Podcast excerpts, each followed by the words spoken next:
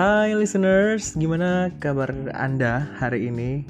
Semoga tetap sehat selalu, tetap semangat, tetap bahagia, dan pastinya tetap di rumah aja ya. ini udah uh, memasuki sebulan lamanya ya, udah lewat kali ya dari uh, pandemi COVID-19 yang kalau kita berbicara di Indonesia ya sudah hampir sebulan ya, dan kalau di Kota Palu sendiri baru beberapa minggu dan uh, sudah ada 5 kasus positif sampai hari ini. Dan gimana nih yang lagi work from home ataupun yang tidak memungkinkan untuk work from home atau bahkan udah ada yang mudik, uh, mahasiswa udah uh, belajar dari rumah gitu kan. Semoga tetap semangat dan tetap produktif itu yang paling penting dan juga tetap bahagia biar yang ada dalam uh, diri kita itu adalah hal-hal yang positif. Biar imunnya tetap kuat ya, listeners. Nah, di ini podcast edisi yang pertama ya. Kok edisi ya? Berat banget edisi ya kayak majalah. Episode pertama sih lebih tepatnya padahal harusnya ini perkenalan dulu ya, tapi karena tuntutan karir dan pekerjaan. Jadi langsung aja kali ya di episode pertama nanti kenalan lebih dalamnya nanti deh ya. Ya, jadi karena uh, saya saat ini bekerja sebagai uh, calon penyuluh keluarga berencana ahli pertama di BKKBN Provinsi Sulawesi Tengah. Nah, saya pengen nih mengajak uh, listeners semuanya yang sedang mendengarkan podcast saya ini untuk uh, melihat bukan melihat sih ya gimana ya intinya memberikan informasi. Ya iyalah masa memberikan makanan? Apa sih? Ya jadi kalau dari uh, BKKBN sendiri itu kita punya yang namanya fungsi keluarga. Nah, fungsi keluarga ini bisa loh ternyata untuk dijadikan tameng atau pelindung ya istilahnya ya lah ya supaya uh, listener semuanya terhindar atau ya terhindar dari uh, COVID-19 ini. Nah, ada berapa coba uh, fungsi keluarga menurut PKKBN? Ya jadi ada delapan ya. Ini saya nanya tapi nggak ada yang jawab. Ya iyalah orang ini ngomong sendiri.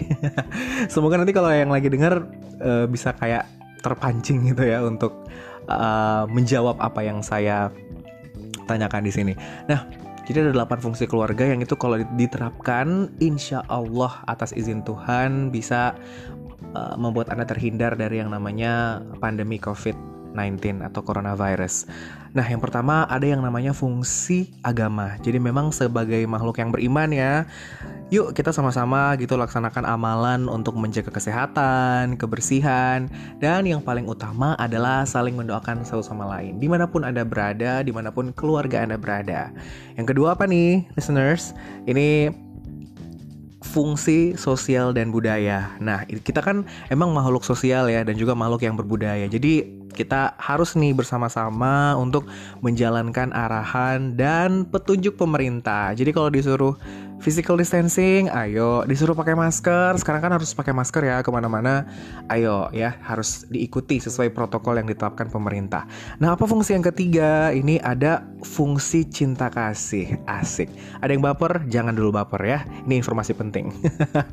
Jadi memang sebagai wujud cinta kasih uh, baik lahir maupun batin ya kita harus berempati gitu untuk tidak menjadi perantara virus dan juga penyakit dengan menerapkan physical distancing. Wah, ini udah kayak berulang-ulang, udah kayak klise gitu ya. Tapi kalau masih bebal juga ya pastinya harus tetap diingatkan ya, biar kalau diingatkan, diingatkan, diingatkan dan bisa nancep tuh ya di kepala. Nah, fungsi keluarga yang keempat yang listeners wajib tahu banget nih adalah fungsi perlindungan. Jadi memang uh, sebagai tempat perlindungan keluarga dapat membangun uh, rasa aman, rasa nyaman, tanggap terhadap ancaman dan juga yuk kita jauhi keramaian dan tempat-tempat yang mungkin saja berpotensi untuk terjadinya penyebaran virus. Formal formal banget ya.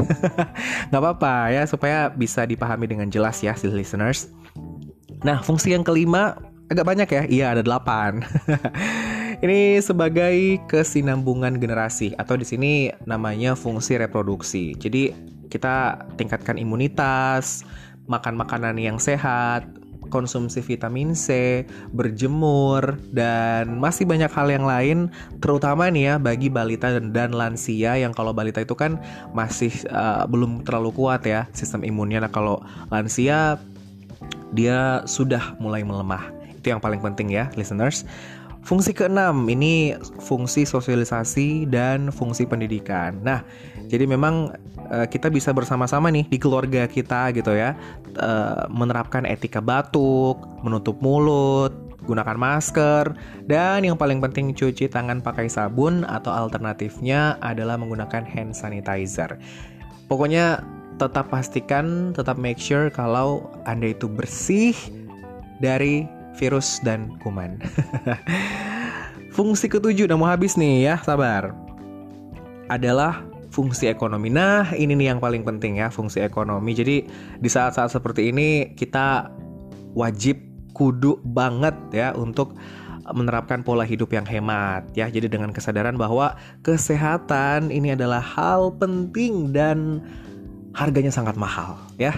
Dan juga fungsi yang terakhir adalah fungsi lingkungan. Jadi kita juga harus peduli kepada kebersihan dan kelestarian lingkungan agar terhindar dari paparan virus dan penyakit. Simple kan dan mungkin terdengar klise, tapi jangan salah, kadang-kadang hal-hal sederhana yang luput dari kita justru yang bisa membantu kita apalagi di tengah pandemi Covid 19 ini. Kayaknya sampai sini aja dulu ya, nggak usah panjang-panjang. Tapi ini kayaknya udah lumayan panjang ya, 6 menit menuju 7 menit. Nggak apa-apa, semoga ini informasi bermanfaat untuk Anda semua listeners. Di mana pun Anda berada, stay safe, stay health, dan stay at home. Sampai jumpa lagi di podcast selanjutnya bersama saya, Andi Alvaro. thank you